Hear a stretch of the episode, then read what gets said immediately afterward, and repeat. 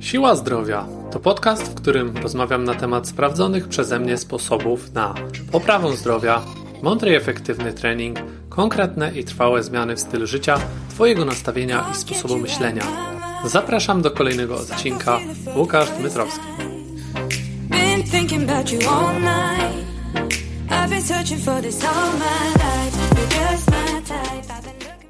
Dzień dobry. Wiele razy zdarzało się, że dzwonił do mnie podopieczny z następującą informacją. Słuchaj, Łukasz, nie mogę ćwiczyć, bo lekarz mi zabronił. I o ile chwilowy stan w przypadku urazu jest zrozumiałą okolicznością do tego, żeby przerwać na krótki czas aktywność sportową, to powoływanie się na to, że lekarz komuś zabronił na całe życie ćwiczeń, e, to jest to zdecydowanie zbyt duże nadużycie moim zdaniem. Zdaję sobie sprawę z tego, że zdarzają się takie przypadki, w których intensywna aktywność sportowa może nie być skazana dla kogoś przez jakiś czas. Jednak na dłuższą metę głównym celem takiej aktywności sportowej o wzmożonej intensywności jest właśnie budowanie odporności, wytrzymałości i siły odpowiedniej do możliwości danego człowieka. Natomiast stwierdzenie, że cross nie jest odpowiednią aktywnością dla kogoś na długo przed fachową diagnozą, uważam za duże nadużycie. I właśnie w tym odcinku postaram się przeanalizować potencjalne powody takich diagnoz, które czasami stawiają lekarze swoim pacjentom.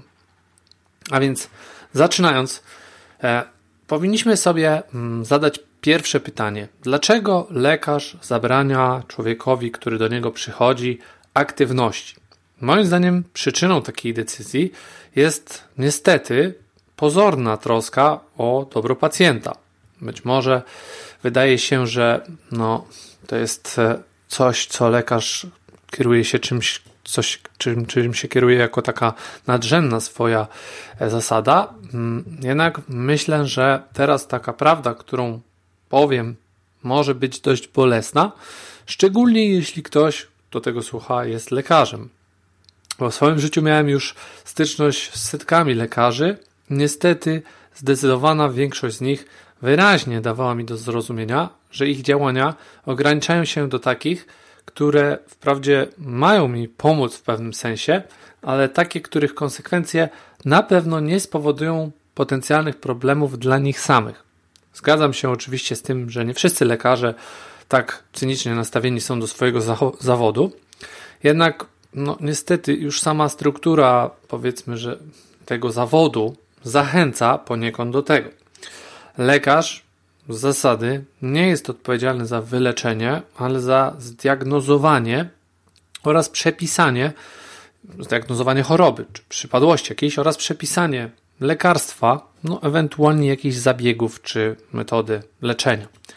Za wynik tego leczenia czy stosowania danych środków farmakologicznych nie jest on już bezpośrednio odpowiedzialny, co oczywiście społecznie uważamy za zrozumiałe, no i nikt się z tym nie kłóci.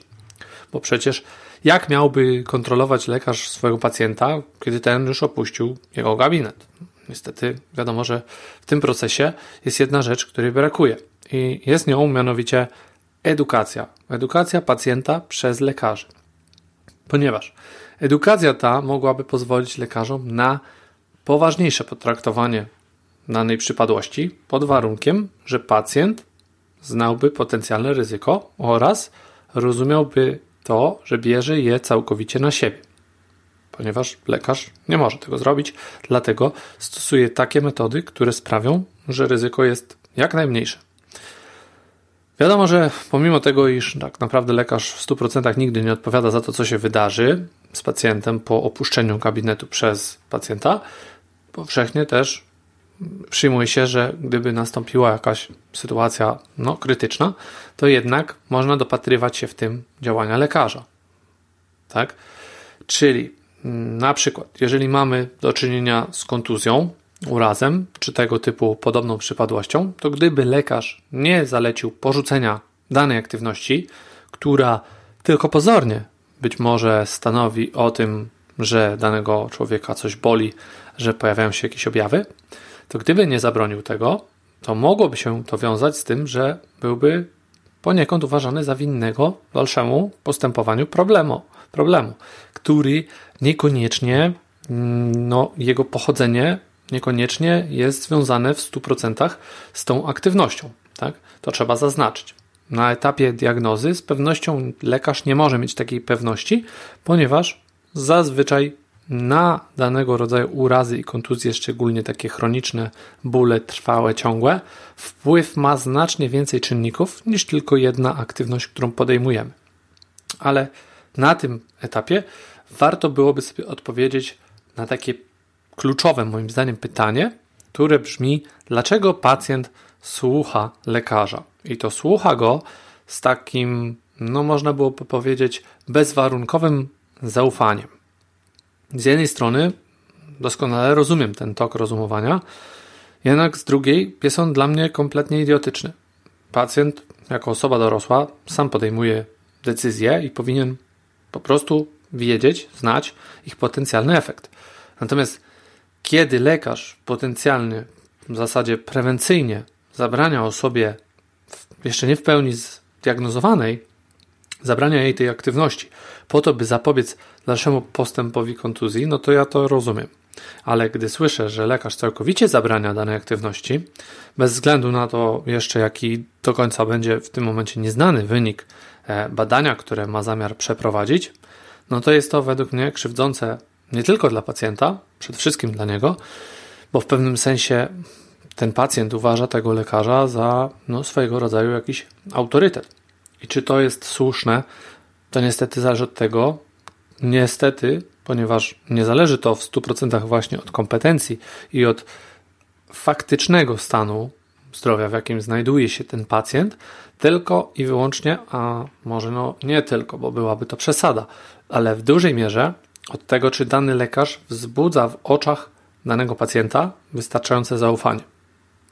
Niestety, właśnie ta pozycja społeczna lekarzy powoduje, że to zaufanie często jest znacznie wyższe niż moim zdaniem powinno ono być.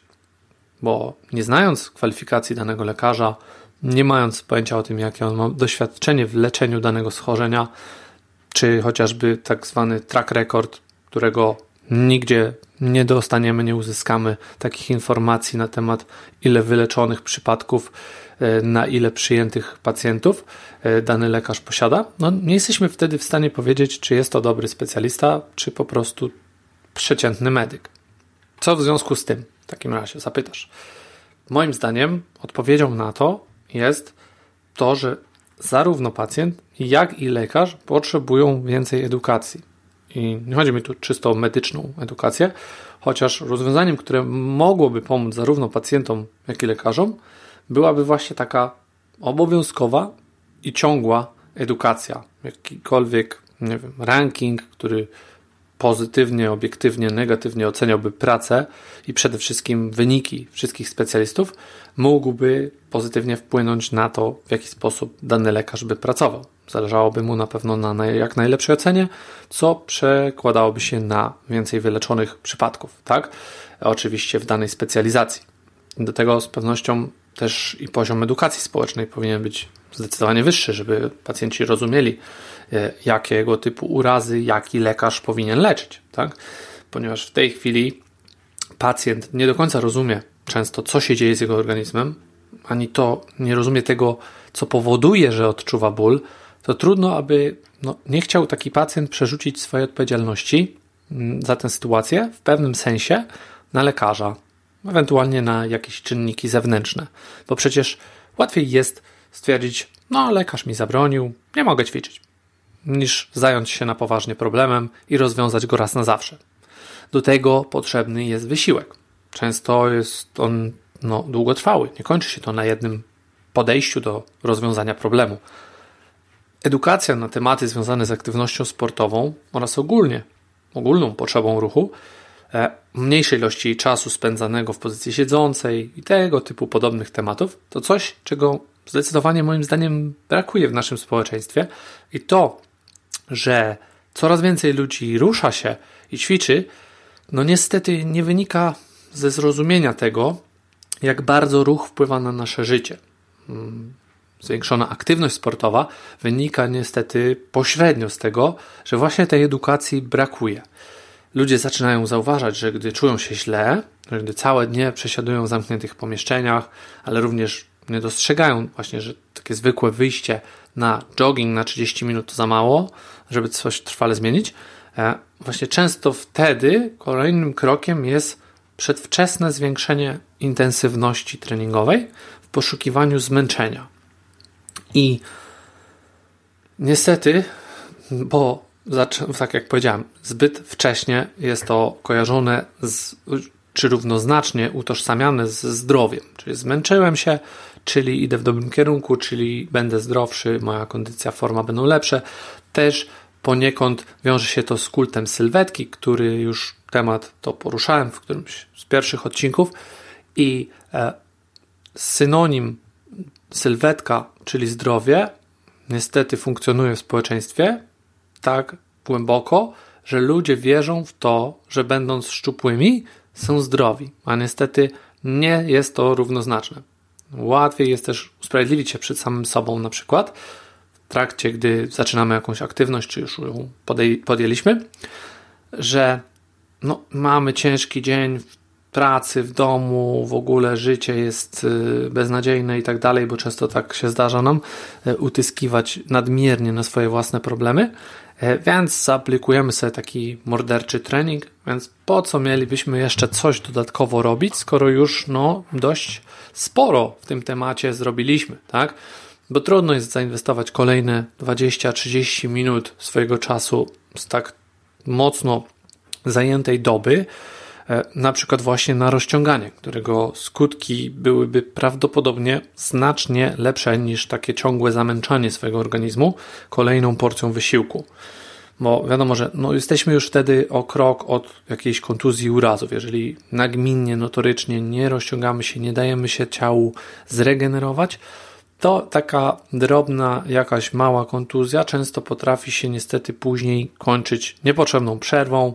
No też zdarza się, że zaczyna boleć, więc w końcu mm, udajemy się często w nieuzasadnionych jakby przypadkach z wizytą mm, u lekarza różnych specjalności. To nie zawsze jest do końca odpowiedni specjalista, bo z przypadku trafiamy do lekarza mm, powiedzmy rodzinnego zamiast pójść do kogoś, kto specjalizuje się w temacie właśnie ruchu, ruchomości organizmu, ciała, mięśni itd. Tak o tym sobie za chwileczkę porozmawiamy. Co jednak, jeśli rzeczywiście z jakiegoś powodu doznamy urazu? Czy to koniec naszej aktywności? No, czy, czy mamy zrobić sobie przerwę? No, zdecydowanie nie jest to koniec. To nie jest kolejny e, powód, dla którego powinniśmy właśnie przerywać aktywność, ale jest to zdecydowanie powód, dla którego powinniśmy skierować się do fizjoterapeuty. Fizjoterapeuty, a nie lekarza. No, fizjoterapeutę można w każdym przypadku nazwać lekarzem. Tak? Jest to lekarz, specjalista od właśnie tej przypadłości, która najprawdopodobniej nam się przydarzyła.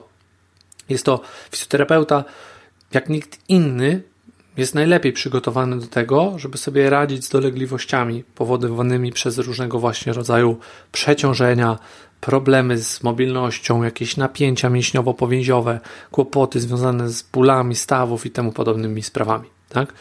Niestety świadomość społeczna na ten temat jest zdecydowanie za niska.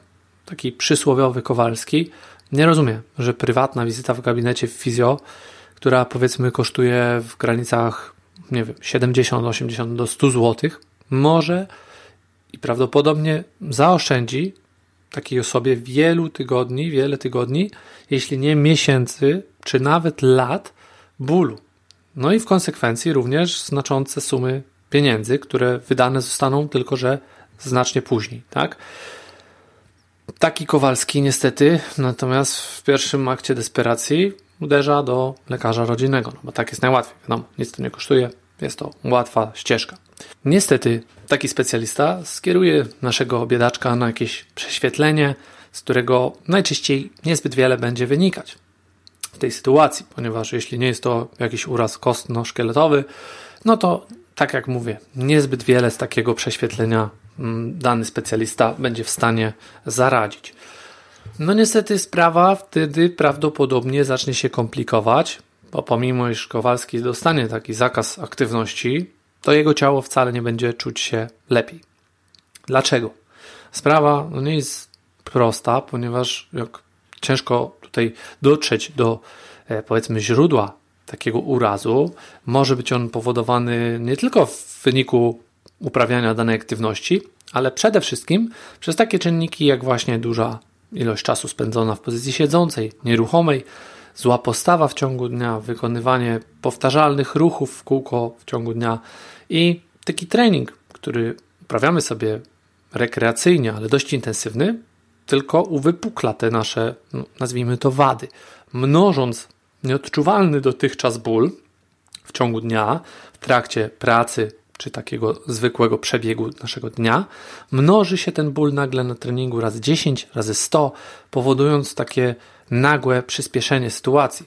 Nie na darmo mówi się, że to jest tak jak na torze wyścigowym. Tutaj nasz trening dość intensywnie sprawia, że odczuwamy różne rzeczy i zarówno jego pozytywny potencjał, jeżeli chodzi o rozwój sprawności, kondycji, jakkolwiek tego by nie nazwać, jest też no, w takim przypadku potencjalnie negatywnym bodźcem, jeżeli już jesteśmy na etapie, gdzie mamy nieznaną nam kontuzję, z którą nie radzimy sobie w żaden inny sposób i nic innego nie robimy, mając nadzieję, że zaprzestanie aktywności spowoduje jej odwrót.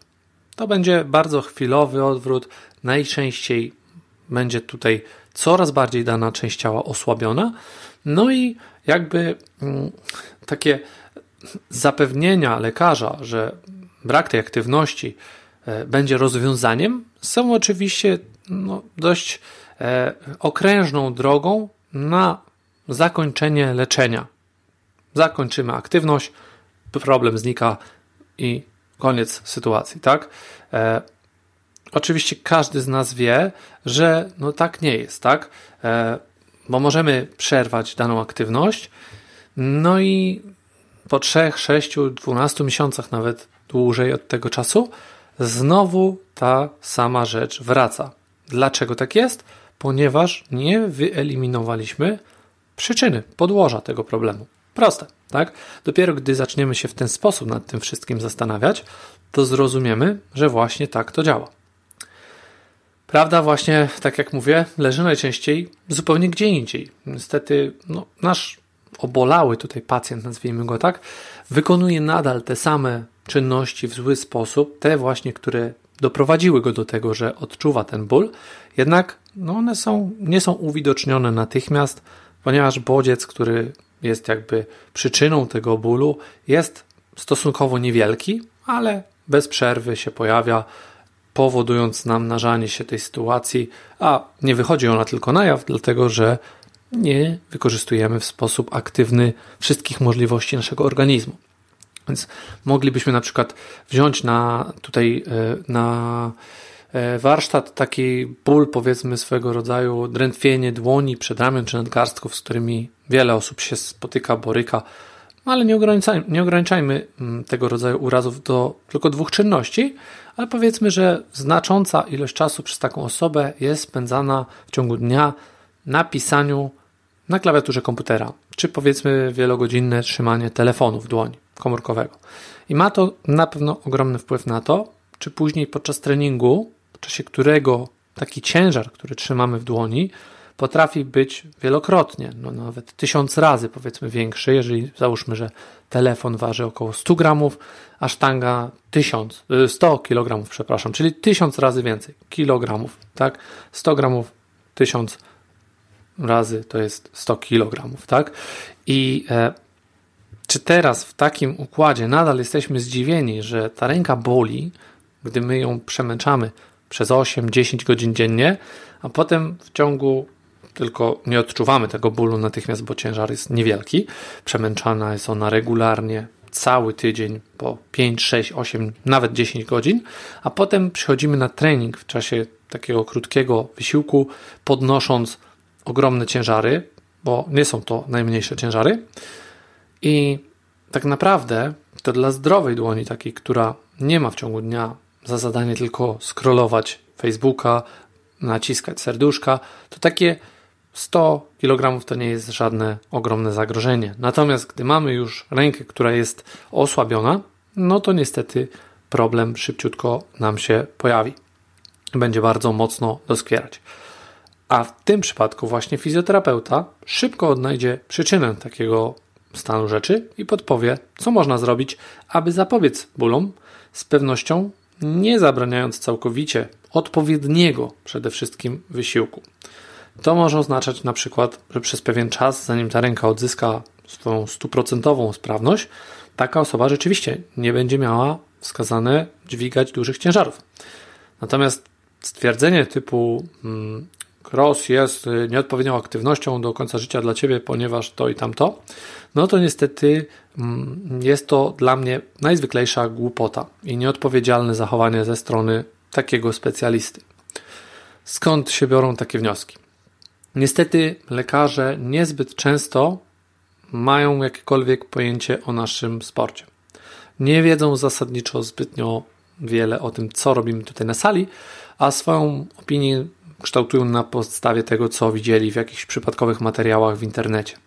Oczywiście to jest mocne generalizowanie, natomiast ma swoje odbicie w rzeczywistości, bo rzadko kiedy lekarz no, jest sam aktywną osobą, a jeśli już jest, to wtedy takich rzeczy nie mówi. Nie plecie żadnych farmazonów na temat krosa, który jest jak najbardziej odpowiednią aktywnością dla każdego, tyle że powinien zostać przeprowadzony w odpowiedni sposób. Po drugie, bezpieczniej jest lekarzowi powiedzieć coś takiego właśnie w stylu zakaz aktywności i mieć spokój. Tak? Ryzyko spada znacząco w dół. Jeżeli no rzeczywiście pacjent nie zastosowałby się do tych zaleceń, no to wtedy wiadomo, że lekarz też byłby kryty, tak? Musiałby e, rzeczywiście lekarz nic nie powiedzieć, żeby było jakiekolwiek ryzyko, dlatego oni tak chętnie mówią o tym, żeby przerwać natychmiast wszelkie aktywności.